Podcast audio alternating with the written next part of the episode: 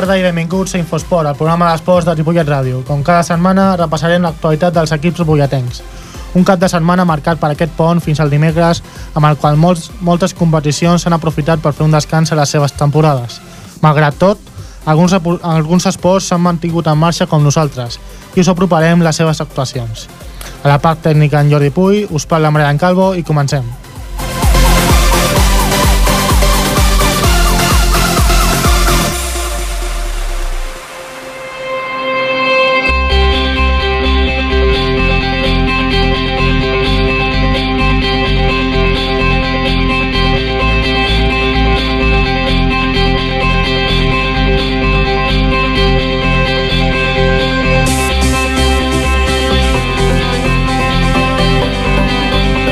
Tenis taula, tenis taula, tenis... Comencem amb el tenis taula aquesta setmana que és jornada de descans per a totes les categories del tenis taula i, que, i, i aprofitant que, que les categories a les temporades respectives a les lligues no, no hi ha competició es disputa el torneig classificatori nacional dels campionats d'Espanya al Covendes del, del 6 de desembre al 8 fins demà el Club Tenis Taula Ripollet està present a la categoria la vi femení amb la Judit Gutiérrez i a la categoria juvenil masculí amb el Pere González, el Pau Barceló, el Gabriel Luque i el Roger Miró. Per parlar del torneig i aprofundir en, en les, les actuacions d'aquests jugadors, eh, tenim per via telefònica el Ramon Argenter. Ramon, bona tarda. Bona tarda. Com els hi ha anat als jugadors ripolletens? Com bueno, de moment encara estan jugant. Juguen tot avui i tot demà tenim que la Judit doncs, ha guanyat els seus partits, però encara té que jugar, ara està jugant un partit encara, sí. eh, ara està jugant precisament, està jugant amb la número 2, que és la jugadora Ana González de Móstoles, ella és la número 1 del rànquing del seu grup, i llavors té l'últim partit l'ha de jugar a les 20 i 20 minuts contra la, la número 6, però vull dir que és de la Corunya. Mm. Eh, no sabem com està la cosa perquè encara això, aquesta competició que són grups de sis jugadors, eh, juguen tots contra tots i llavors primer i segon passen i llavors a partir de demà hi ha eliminatòries. Saps com li estan anant ara mateix a la Judit? Doncs eh, en aquests moments estava eh, jugant contra aquesta noia, la número 2, i estava guanyant. El que passa que, clar, és el millor de 5 sets i fins que no s'acabi no, no poden saber-ho. No? Llavors, sí. si passa, eh, clar, demà són per eliminatòries. Fins pràcticament demà al migdia no sabrem si passen tots aquests jugadors que són eh, la Judit, com has dit tu, l'Arnau Peretó, amb la categoria infantil masculí i els tres i els juvenils, no? Fins mm. demà no ho sabrem. En quines expectatives ha anat el club al, al torneig? Home, és, eh, és la repesca, eh, no es van poder classificar eh, allà a Salou perquè els hi va tocar un grup molt, molt, molt fort i han tingut l'opció d'anar a la repesca per intentar doncs, classificar-se dintre els vuit primers de cada categoria que són els que es classificarien per anar doncs, als campionats d'Espanya, que possiblement es torni a fer a Màlaga, en Tequera. Llavors, eh, alguna, per així dir-ho, alguna xifra de, de classificats? Jo crec que dels sis jugadors, quatre eh, crec que els classificaran. Mm, podem dir, pots dir alguns noms? Pues jo crec que seria la Judit, l'Arnau, el Roger eh, anava a primer de grup, i el Pau també anava com a primer grup, no? Vull dir que aquests, aquests dos jugadors crec que tenen moltes possibilitats, tant el Roger com el Pau, mm. de classificar-se per, per, per poder anar a Antequera. Ho té més difícil el Pere González, en juvenils, i l'infantil l'Arnau Peretó té més difícil, no? Però jo crec que Judit Gutiérrez, i llavors també pot donar la sorpresa a Gabriel Luque, que va tenir la desgràcia que va, li va tocar un grup molt fort allà a Salou, i un altre grup molt fort aquí a, a Madrid, al Covendas. Aquests són els que tenen possibilitats per poder anar Eh, el, el que passa que igualment, eh, ells fan igualment el Campionat d'Espanya, però jugarien per equips, sí. però faltava la classificació individual, no? Això és el que esteu buscant ara mateix. Sí, sí, que es puguin classificar per seguir. Llavors seríem el Ripollet un dels equips que hauria classificat també jugadors d'aquestes finals dels campionats. Perquè fins ara repassem quins, quins eren els classificats? Eh, tenim classificats pues, totes les noies, quasi totes les noies, sí. tenim classificats eh, el Marc Miró, eh, que va quedar primer de grup, el, el Carbonell, eh, tenim classificat el, totes les noies, l'Helena, la, la, la Mireia, la, la Lídia Rico, eh, la Marina Paloma, tots aquests estan classificats, no? I faltaria les classificar d'aquests sis, jo crec que quatre. I seria, llavors seríem de, dels equips, conjuntament amb l'equip d'Alicant, que hauria classificat més jugadors per anar als Campionats d'Espanya. De- D'aquest, eh, tots a individual, tots per equips, Sí, tots, eh, ara estan fent les proves per individuals, no? Per equips ja estan classificats, ja estan tots. i llavors es tracta eh, per poder fer l'individual, no? Perquè, esclar, primerament es fan, quan es fan els Campionats d'Espanya, es fan les proves per equips.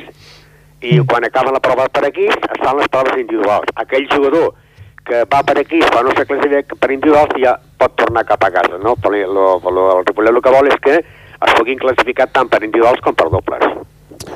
Doncs ara bueno, deixa, deixarem que continuï la competició, aviam si es compleix aquests pronòstics i, i com a mínim es classifiquen quatre d'aquests sis jugadors i mirant una mica més enllà cap al Campionat d'Espanya, que com dius segurament serà un altre cop a Màlaga eh, quina seria la previsió tant a la part d'equip com a la part individual?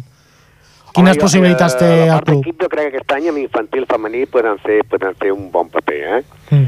tenim, eh, es podríem dir, les millors infantils de Catalunya i sense remereixer la resta d'Espanya eh, estem qualificats dintre dels primers equips d'Espanya, no? Per tant, jo crec que aquest any l'equip infantil l'equip infantil doncs tenim quatre noies que, que, que poden, poden, poden fer pòdium, eh? Quan dic pòdium és primer, segon o tercer, eh? Vull dir, Poden jo crec a que, medalla. que si anem a aquest any allà i no fem primer o segon, jo crec que serà una decepció. O sigui, fins i tot el ser tercer ja seria una decepció? Mm, Jo crec que sí, eh? Crec que sí. Ara, clar, mm, jo estic content pel que, el que, veiem, que veiem aquí, no? A Catalunya, sí. ara el, el, el top que es va fer al al Saló classificatori, amb, amb infantil femení, va ser primer Ripollet, segon Ripollet, tercer Ripollet, quart Balaguer i cinquè Ripollet, no? Vull dir, va marcar-ho tot. Sigui, gairebé monopolitzant les primeres Aquí està, no? Eh, el de Catalunya va ser exactament igual, no?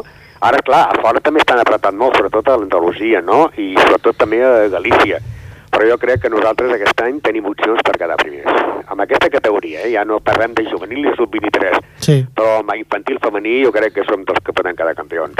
Quins, eh, de- deies Andalusia, Galícia, quins eh, equips són els més perillosos? Home, el, el Vicios té un bon equip, tenen equip, tenen molts jugadors estrangers i jugadores estrangeres, el Cartagena, tots són equips que tenen estrangers, no? I llavors, clar, pels entrenaments entre, eh, va, va molt bé pels crios, no? Mm. Aquí podem dir que, que el Ripollet és l'únic equip que no tenim estrangers ni en divisió d'honor de noies, ni en, ai, ni en divisió d'honor de nois, ni en divisió de, ni, en, ni en Lliga Nacional de Noies, no? Això és un...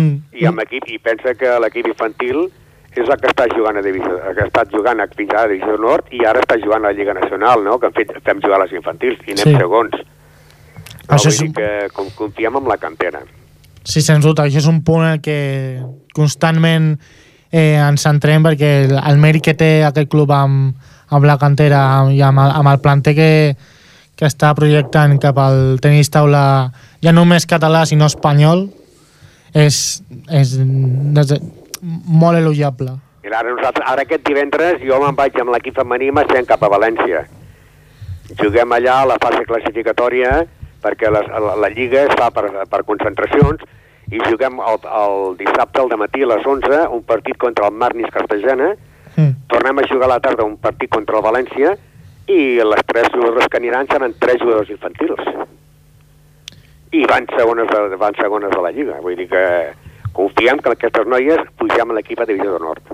Que és una mica recuperar la categoria que es va perdre l'any passat. Sí, sí, l'any passat vam tenir molta desgràcia amb lesions. Lesions i llavors noies que, que per motius d'estudis no podien jugar i per motius de feina no podien jugar. Aquest any han decidit que, que juguessin, doncs, la, les infantils, que, que elles sí que poden perquè només estudien i no treballen, Sí. per tant, eh, i mirant l'infantil han, han confiat i anem segons. I l'únic partit que han perdut van perdre contra la Canxès de Reus, que jugava una jugadora veterana ja, i, dues, i una alemana i una, i una romanesa, vull dir que hi van perdre 4-2.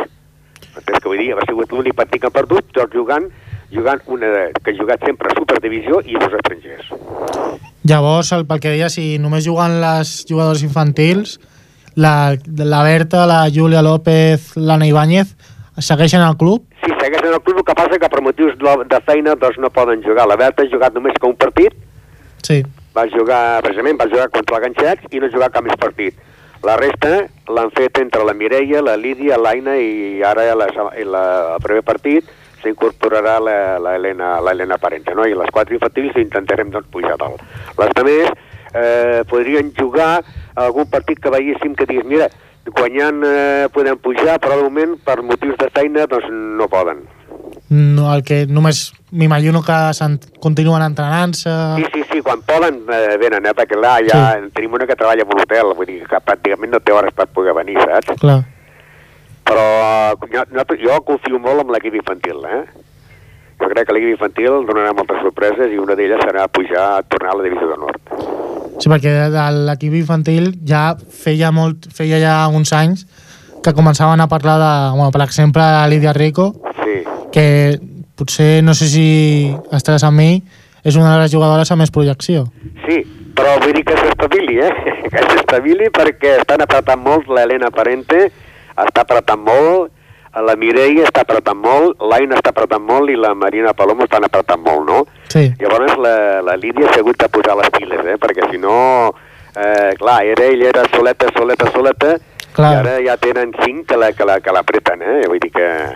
i això, això ho està notant en el, ben, en el bon sentit de té més competències, motiva més, Sí, sí, o, li, o, la, o, o la perquè pressió li està que, podent? Sap que, que, que si ara és la 1 número 1 pot passar a ser número 2 i número 3, m'entens què vull dir? Sí, Perquè ara és la, la número 1, no? Però si hem de fer una alineació, eh, la 2, dubtem de qui posar de 2. I dubtem de qui posar de 3. Per què? Perquè qualsevol pot ser 2. De les quatre jugadores, qualsevol en pot ser número 2, no? i aquesta, aquesta competència com la porten elles? Bé, bé, bé, bé, bé. Oi, amb elles, amb elles hi ha molta pugna, eh? Vull dir, molta, molta pugna. Però pugna neta, no? Sí, perquè és que a més a més, quan hi ha un torneig, quan hi ha un torneig eh, eh, l'Helena va quedar campiona del Sonal de Salou i va haver d'eliminar a tres del Ripollet. I sort que l'Aina anava per la part de baix. Si no, si, si no encara hagués tingut la mala pata de que hagués eliminat a quatre del Ripollet Mm. i no hagués arribat a la final, però com que l'Aina anava per la part de baix, es van trobar a la final les dues de Ripollet. Però anteriorment ella havia eliminat ja a la Mireia Peretó i havia eliminat a la, a la Marina. La Lídia no hi era perquè estava amb la selecció catalana que estava a Txecoslovàquia i a Polònia, no? Ella ja no hi era, però vull dir, si no, haguessin trobat entre elles també. Doncs que continuïn així, que estan fent un equip infantil i, bueno, i que és, és el primer equip femení ja del club, que continuïn amb aquesta dinàmica i que la projecció que, que estan tenint no només ja pel club sinó pel tenis taula català ja com has dit ja estan anant a la selecció catalana Sí, bueno, catalana i espanyola, eh? L'espanyola. La la la, amb l'espanyola, sí. doncs que continuïn així i que els hi vagi molt bé tant el campionat d'Espanya que, que, cap a quines dates es, es farà? no seria la setmana del... Començaria el 17 o 18 de juny fins, fins a final de juny. O sigui, pel, ja pel, pel 12 proper dies. estiu.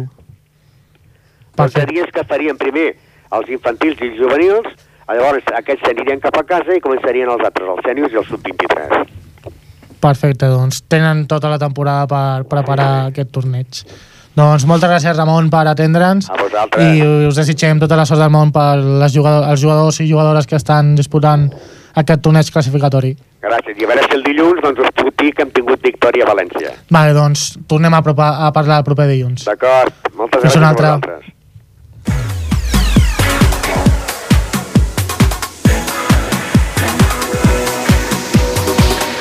Passem al futbol sala, que, aquesta, que és, un altre dels equips que ha disputat jornada en aquest cap de setmana.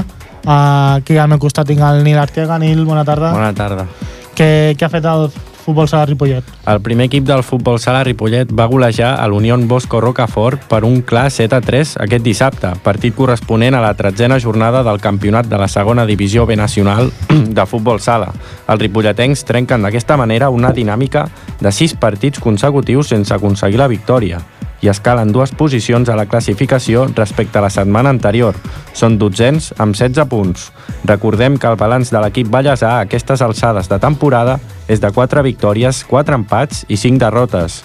El proper cap de setmana l'equip de Ripollet jugarà el seu partit a fora de casa davant de l'Hospitalet Bellfort, equip que ocupa la novena plaça de la taula, però amb els mateixos punts que els ripolletens, i que ve de guanyar fora de casa aquest cap de setmana per un clar 2 a 7 a la pista del Pallejà. Pel partit contra la Unió Bosco parlem amb, amb un dels jugadors del futbol sala, Héctor Larios. Hola, Héctor. Hola, buenas tardes. Bueno, en primer lugar, felicitaros por el gran papel que hicisteis, sobre todo en la segunda parte, eh, superando un empate a dos. Y bueno, eh, ¿cómo está el vestuario anímicamente? Bueno, en principio muchas gracias, no fue un partido fácil y bueno, el vestuario ya lleva unas semanas que anímicamente se encuentra bien, se encuentra mejor y poquito a poco las cosas van saliendo bien. ¿Crees que esto es el inicio de, de una buena dinámica? ¿Hay, ¿Hay optimismo en el vestuario? Sí, esperemos que así sea. La verdad que sí, que reina optimismo, pero bueno, todos sabemos que si no hay trabajo, si no hay esfuerzo, pues todo es más complicado. ¿Cuáles crees que fueron la- los aspectos clave del partido o los aspectos tácticos para, para ganarlo? Bueno, estuvimos como siempre jugamos en como si va a partido, fuimos a presionar arriba, nos pusimos por- fuimos siempre por delante del marcador, a excepción del 2 a Mm. 2, que nos pusimos 2-0 y nos empataron, y creo que ir siempre por delante nos benefició y nos hizo creer más todavía en nosotros. ¿Cuáles crees que, bueno, por, por qué os empataron el partido? ¿Cuáles crees que fueron los errores que para, para el empate? En el Errores descanso. en sí tampoco, lo que pasa que es una categoría muy complicada, que el nivel físico táctico ha mejorado muchísimo respecto a años anteriores, entonces es muy complicado cualquier partido, sea quien sea el rival. Y bueno, ¿qué os dijo el entrenador en el descanso? Bueno, que siguiésemos con la misma actitud, corregimos un par de detalles y sobre todo creer en nosotros que ya nos hacía falta una victoria después de unos cuantos partidos sin conseguirlo. Y bueno, a nivel físico, co- co- ¿cómo, está el equipo? ¿Cómo ves los jugadores? Bien, el equipo se encuentra en un buen nivel físico, trabajando todos, estudiando todos a una y ese es el camino. ¿Crees que hace falta mejorar alguna cosa aún? ¿Hay que faltan corregir algunas cosas respecto Bueno, siempre, siempre hay margen de mejora, ¿no? Y en eso se trabaja. Pero bueno, el equipo está en una buena dinámica, practicando un buen fútbol sala y poquito a poco iremos tirando hacia arriba. Cómo- ¿Qué balance haces general de la temporada? ¿Habéis cumplido Bueno. los objetivos? Bueno, el principal objetivo era luchar por meternos en clasificarnos para la Copa del Rey, pero bueno, el, el camino que llevamos, lo primero ahora es conseguir, conseguir la permanencia y a partir de ahí todo lo que sea sumar y mirar hacia arriba, pues bienvenido sea. ¿Y los, los fichajes, cómo, cómo valoras su adaptación? Bien, son buenos jugadores, buenas personas, que sobre todo es lo importante, Mm. y su adaptación rápida, la verdad que sí, se han integrado muy bien en el grupo y se sienten muy cómodos. Y bueno, y para el próximo partido contra el Hospitalet, eh, bueno, ¿qué, qué destacarías de este equipo?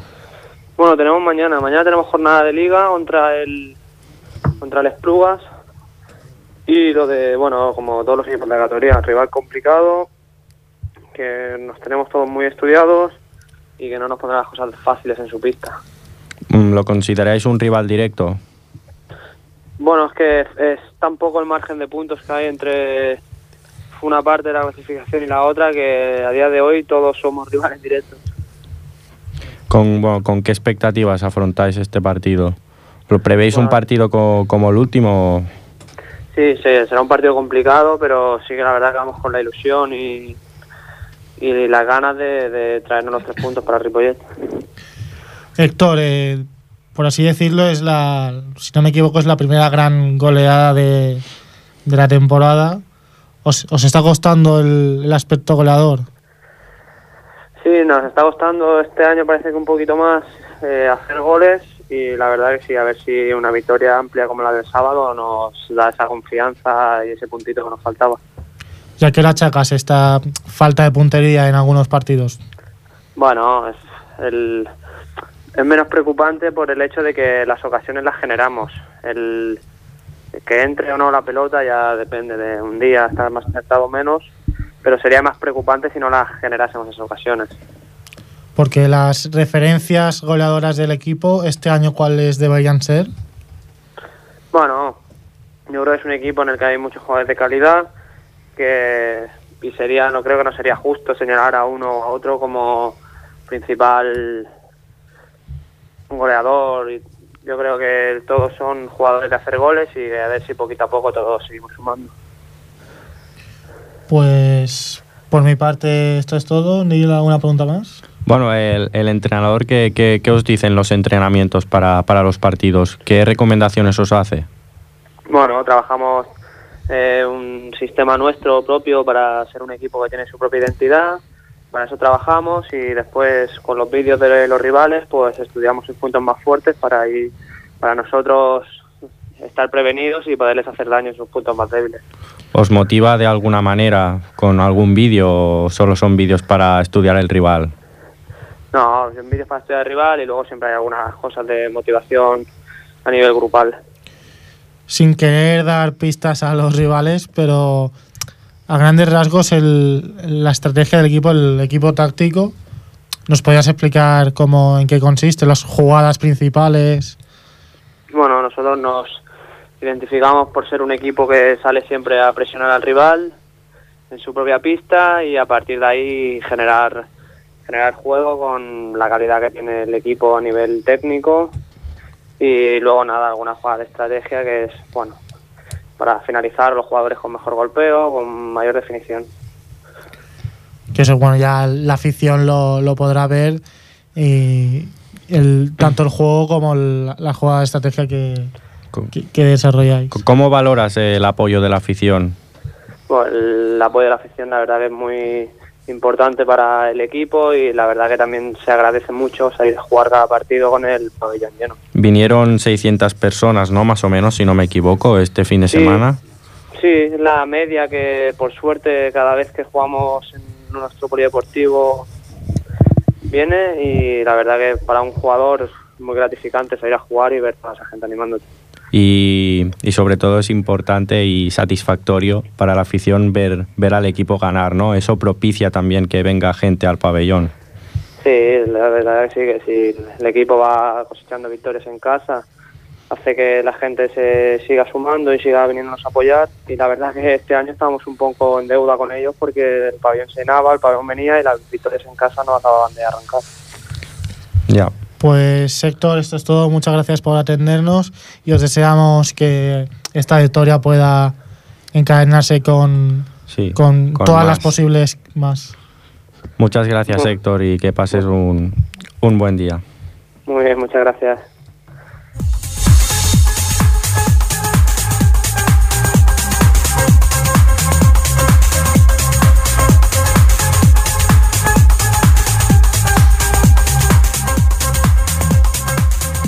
Canviem d'esport, anem cap al hockey patins. Uh, un altre cop el nostre company, el Nil, ens, us, ens portarà la- l'actualitat del club del hockey patins Ripollet. Nil, com, com s'ha disputat aquesta jornada pel, per l'equip ripolletenc? Doncs el club d'hoquei Ripollet va derrotar el Barberà aquest cap de setmana per 6 gols a 3, partit corresponent a la dotzena jornada del grup A de la segona divisió catalana d'hoquei patins. Amb aquest resultat, l'equip ripolletenc continua líder a la classificació una jornada més, amb 28 punts, un més que el segon classificat, que és el Palau Solità i Plegamans. L'equip de Ripollet suma així la seva novena victòria de la temporada i consolida així un inici excel·lent de campanya amb només un empat i una derrota. La setmana que ve jugarà fora de casa contra el Jesús, Maria i Josep dissabte a les 6 de la tarda. Equip que ve de derrotar per la mínima el Martinenc per 4-3 i que ara mateix se situa setè a la taula amb 16 punts. Per al partit contra el Barberà parlem amb Lluís Muñoz, jugador del primer equip del Club d'Hockey Ripollet. Bon dia, Lluís. Hola, bona tarda, què tal? Què tal? Quina valoració fas de l'equip en aquest partit? Com vas veure els jugadors? Doncs va ser un partit que vam fer bastant sòlid perquè com es va veure durant el partit, cap partit és fàcil, no? Perquè ens van, es van començar per davant nosaltres, ens van remuntar i vam tenir problemes, tot i ser el QE, però finalment ho vam, mm. ho vam treure endavant, sí. D'on d'on veu treure aquesta, diguem-ne, superioritat o aquesta energia per remuntar el marcador? Què, què us va dir l'entrenador?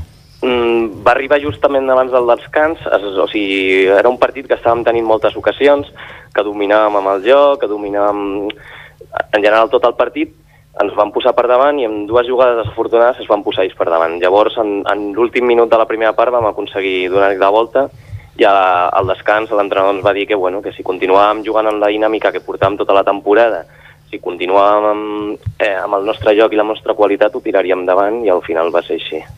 Quins, quins creus que van ser els punts claus tàctics per guanyar aquest partit? Mm, els punts claus va ser, jo crec que portem una bona dinàmica, que al ser líders, només haver empatat un partit, haver perdut un altre, doncs això ens dona força i fa que, que puguem estar dalt. I al llarg del partit, com són vuit jugadors eh, eh, bastant com, que ens compenetrem bé, doncs anem tirant endavant els partits. Llavors, eh, això que em comentes que veu jugar con... Bueno, que aquest equip era el QE mm. i, i us van fer tres gols així amb dues jugades, creus que el partit en general va ser un partit, podríem dir, fàcil comparat amb la resta? No va ser fàcil, perquè a la mitja part anàvem guanyant d'un i havien estat guanyant tota la part, però a, la segona part, mmm, fins ben entrat al final, no vam, no vam aconseguir anar-nos en, en el marcador, i això demostra el nivell de la segona catalana i de lo difícil que és tots els partits i de, que ens podem complicar qualsevol partit, però de moment ens estem en, tirant bastant bé endavant tots. I bo, quin, quins aspectes corregir, uh, corregiries per la setmana que ve perquè no, perquè no us passi això? Mm, jo crec que la setmana vinent també és un partit complicat perquè juguem al JMJ, que és un, Sí. és un pati de col·legi, tal qual, la pista, uh, i això vol dir que és uh, una pista descoberta, on jugarem a les 6 de la tarda en ple desembre, i aquests partits són, són complicats. Ara, el bo és que tenim una bona actitud, que estem tots ben compenetrats, que som un grup, que, que estem amb força, estem amb il·lusió, estem amb moltes ganes de pujar, i això jo crec que en, si continuem amb la línia que portem durant tota la temporada,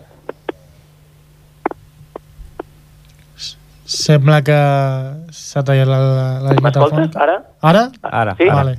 Ah, m'heu escoltat l'última pregunta? Bueno, s'estaven- s'ha quedat a, a mitges. Bueno, estava dient això, que serà un partit molt difícil perquè és un pati de col·legi i en ple desembre és una pista que ens costarà molt segur, però que si continuem com hem portat tota la temporada amb molta il·lusió, molta, in, molta unió, jo crec que el tirarem endavant, però serà un partit difícil com estem veient que són tots els partits d'aquesta segona catalana. Heu, heu jugat mai en aquesta pista? Sí, l'any passat vam jugar i vam guanyar per un gol i va ser un partit bastant difícil, la veritat. I crec que serà la tònica, ser un partit difícil, però, com he dit, si estem amb, amb el nivell que estem portant tota la temporada, el podrem tirar endavant. Perquè el, uh, les grans diferències d'aquesta pista amb la vostra i amb la resta, qui, quines són? Bueno, al, al ser una pista descoberta, la, les dimensions són més reduïdes. És un pati de col·legi. També el, el, el terra és diferent, és un, un terrazo diferent i eh, és un, les 6 de la tarda. És, no hi ha la llum natural que pot tenir un pavelló que, que està ben il·luminat. És una pista descoberta, hi ha menys llum, ells es creixen també a la, la seva pista, estan acostumats a entrenar allà Mm. i sempre és més difícil. I bueno, eh, fí- físicament com, com veus l'equip? El veus preparat, no? Sí, la- l'equip físicament va molt preparat perquè som vuit jugadors que anem sortint, juguem tots i hi ha una cohesió i una intensitat als entrenos que això després es demostra als partits. Creus que, fi- fins i tot creus que pel que m'has dit que el fet de guanyar fins i tot és una qüestió més mental, no?, de, de Sí, la por- temporada. Portem una bona dinàmica, o sigui, com bé dèieu a la presentació, només hem empatat i hem perdut un partit Sí. i el, han sigut com petits accidents que ens parem nosaltres i això fa que eh, si comences el, la temporada malament, les dinàmiques no acaben de ser bones, però ara mateix estem en una bona dinàmica i eh, això es respira tant al vestuari, als entrenaments com als partits. El rendiment de l'equip es pot dir que és excel·lent durant la temporada, oi? Mm, De moment sí, esperem que continuï així, però de moment sí que és per estar contents. Ara mateix, ja que ves la temporada, està a la primera catalana, que és l'objectiu que ens vam marcar. I les noves incorporacions, com, com valores el seu procés d'adaptació? Doncs ara jo crec que ja està tothom bastant integrat i mm, ara som una pinya on tothom... Eh, diferència amb altres equips és que som una plantilla llarga, que no només nosaltres els dels sèniors, sinó els joves que venen del júnior i del juvenil també estan aportant moltes coses i això fa que, que estiguem tirant també bastant endavant, perquè qualsevol que surt a la pista surt amb confiança i surt amb un bon nivell. Quines qualitats destacaries d'aquests jugadors? Mm, ens han aportat doncs, mm, una plantilla més llarga, perquè l'any passat érem dos tres sèniors només, i ara aquest any doncs, tenim una plantilla més llarga, que ja estan més curtits, més experiència, més... Doncs, i s'han adaptat ràpid i això ha fet que, que tinguem una plantilla bastant completa. I bueno, eh, per acabar, m'has comentat eh, això de la pista, que és una pista complicada perquè és una pista descoberta, la pista del JMJ, però a part destacaries alguna cosa en especial d'aspectes tàctics sobre aquest equip que us preocupin? Bueno, hi ha un jugador que coneixem perquè jugava a Cerdanyola i alguns s'han coincidit amb ell en, en altres etapes, és el Víctor Cruz, que és un bon jugador, i són, són gent que porta tota la vida jugant en, en aquella pista, se la coneixen bé, i això també ens ha passat amb el Barba i ens està passant en els últims partits. Som el líder i tothom en- ens vol derrotar, i això sempre passa, hi ha una motivació extra per derrotar el líder i, i això fa que sigui més difícil tots els partits. Lluís, per la meva part també les dues últimes preguntes. Bueno, un- una que sem sempre faig a, als teus companys que ja hem entrevistat. El fet de que el vostre entrenador també sigui jugador, com personalment allà a la teva carrera, ho, Mm. ho has vist mai o ho has tingut i com ho portes? He tingut altres experiències en, en anteriors ocasions i jo crec que aquest any pues, està funcionant bé perquè els resultats ho demostren. No anem primers, també està fent gols, o sigui, de moment és, un, és una qüestió que, està, que no està donant cap tipus de problema. Ho està gestionant bé i tots som conscients de que està a la pista, que està fora i ja ho he dit abans, som una pinya i això es nota tant dintre com fora. Ho porteu amb naturalitat. Sí, sí, sí. Ja l'any passat va ser així, o sigui, ja portem, ja portem rodatge. I ja sí, l'última per acabar, Mm. el, al, al Nadal feu l'aturada, s'atura la competició? Sí, ara ens queden dues jornades, que és la del Jota Mallota, que juguem fora, juguem Martinenc fora també, que és a Barcelona, que és una altra pista complicada, fem el peron de Nadal i acabem la primera volta a Mollet, a casa, que també serà una, una jornada que ens ve també doncs, complicada com totes, com hem dit que el fet de ser líders, el fet de, de que cap partit és fàcil, ha de ser, ens ha d'obligar a estar a tope a tots els partits. I creus que aquesta aturada per un, per un, cost, per un costat us vindrà bé per descansar, però per l'altre, amb la dinàmica que porteu, tu faries aquesta aturada o continuaries? Aviam, el... és una aturada que sempre parteix una mica, perquè la dinàmica és bona. També hem de veure com continuem, continuem els dos partits propers. Si van bé els dos partits, doncs, evidentment no, no m'agradaria tenir-la. Mm. I espero que sigui així. Però, tot i així, jo crec que l'equip està preparat per tornar a tope i continuar sumant punts i, i encara l'objectiu que, que tots volem, que és pujar a primera, que el Ripollet ja s'ho mereix. Doncs molt, moltes gràcies, Lluís, per atendre'ns. Eh, esperem que continuï aquesta fantàstica dinàmica i, i res més. Molta sort per la temporada. Molta sort, Lluís, que vagi bé. Moltes gràcies per trucar-nos. Fins una altra. gràcies. Vinga, adeu.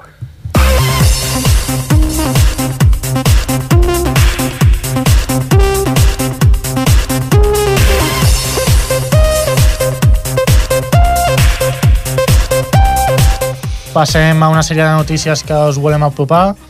Eh, bona participació del, del RUA al 38è Cross Vila de Castellà. Sí, diversos membres del Ripollet Unió Atlètica van participar el passat diumenge al 38è Cross Vila que es va celebrar a Castellà del Vallès i, es va, i va ser el 26è Memorial Pere Hernández. Cinc d'ells van arribar a la línia de meta entre els 10 primers de la seva categoria. Cal destacar el paper realitzat per Estel Alvarola del prebenjamí femení, el Marc Quiran del Benjamí masculí, la Carla Jalabert del Benjamí femení, la Laura Torres de l'infantil i la Clàudia Alcolea del cadet. En representació del RUA també hi van perdre hi van prendre part l'Hugo Serrano, l'Eric Passamonte, el Víctor Gómez, Rubén Navarro, en David Castro, Joel Arqueros, Marca Peñarando, Mireia Valdivia, Gina Guardado, Alba Calderón, Oriol Monclús, Juan Muñoz i David Quiran. Seguim amb notícies d'actualitat del RUA, també, que ha fet la seva junt, eleccions a la seva junta. Sí, la Junta Directiva ha convocat eleccions per la seva renovació, ja que ben aviat finalitza el mandat actual. La Junta Electoral va quedar constituïda a l'Assemblea de Soci del passat 14 de novembre. Per aquest motiu, entre l'11 i el 21 d'aquest mes es presentaran les candidatures. En, en, en cas que hi hagi més d'una candidatura, les eleccions es realitzaran el proper 10 de gener, coincidint amb la celebració del Cross de Ripollet.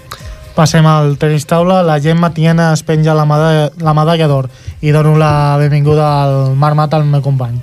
Sí, el passat diumenge la Federació Catalana d'Esports per Discapacitats va celebrar a les Borges Blanques la 30a edició del Campionat de Catalunya de tenis taula.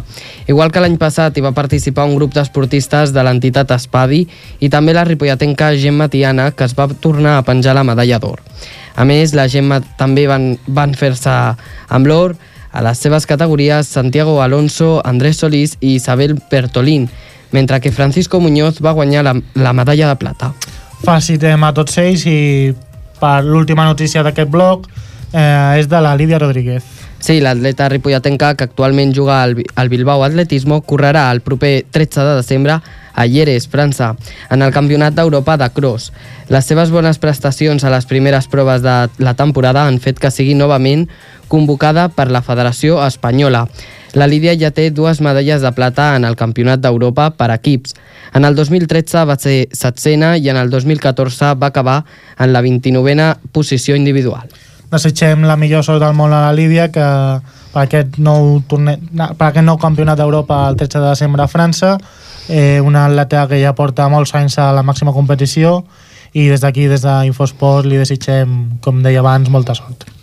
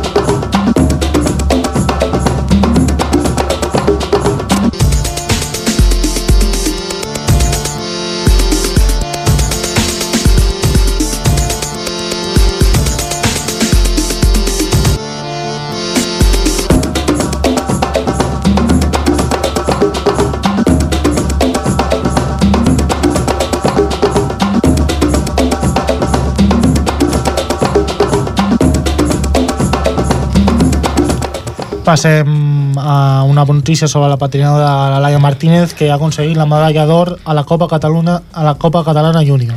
Sí, la Laia Martínez és una jove patinadora recentment incorporada al Club Patinatge Artístic Ripollet i els passats 28 i 29 de novembre va aconseguir la victòria a la final de la Copa Catalana Júnior, celebrat a Amposta. La Laia es va imposar a més amb més de 8 punts de diferència amb la segona classificada, demostrant que era molt superior a les seves rivals.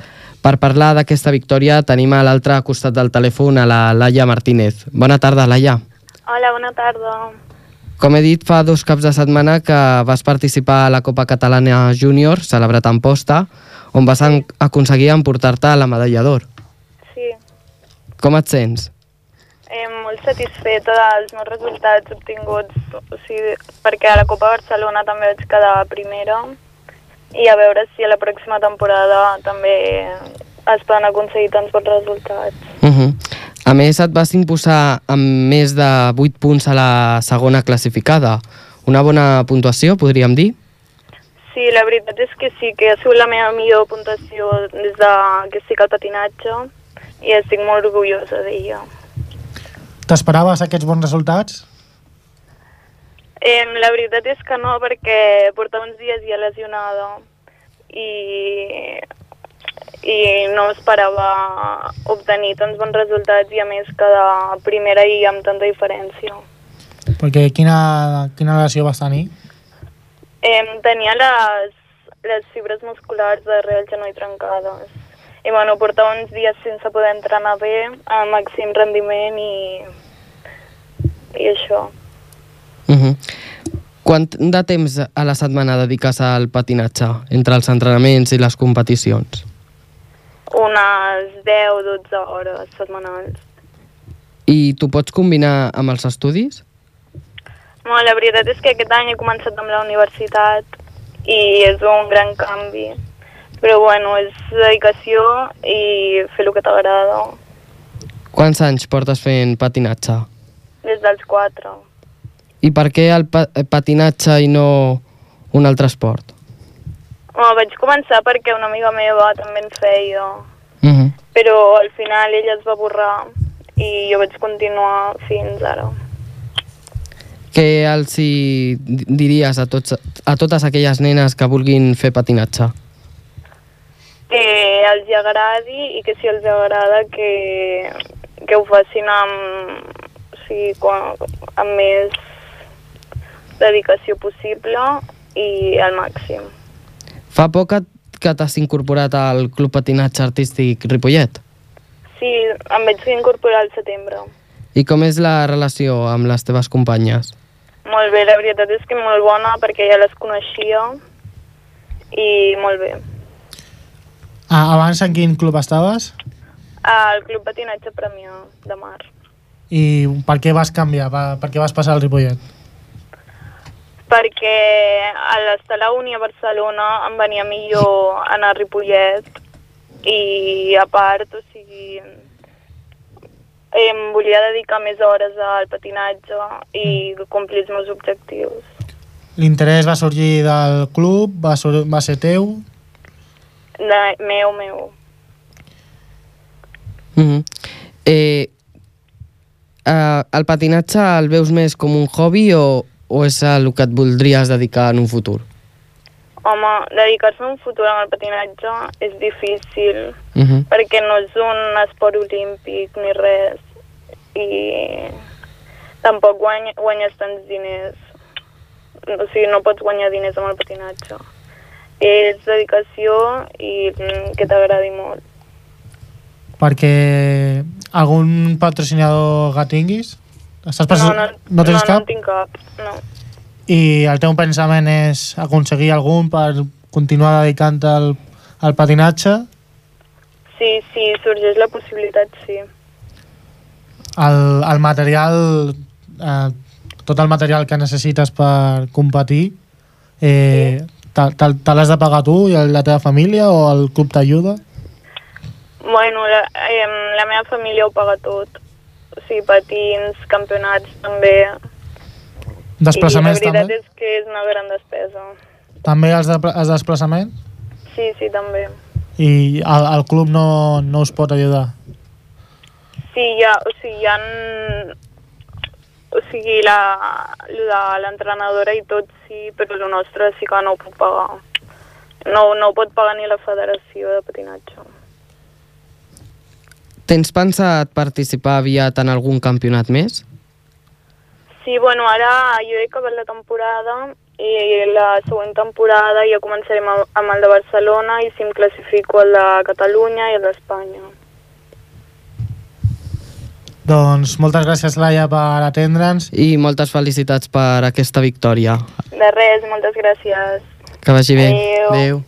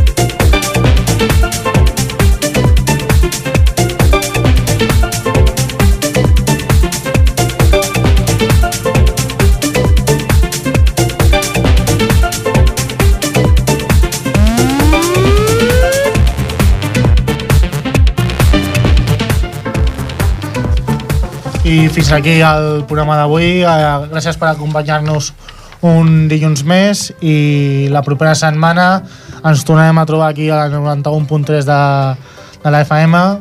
Fins aleshores, eh, bona nit, bona setmana i us desitgem que, que acabeu de tenir un molt bon pont de- d'aquest desembre.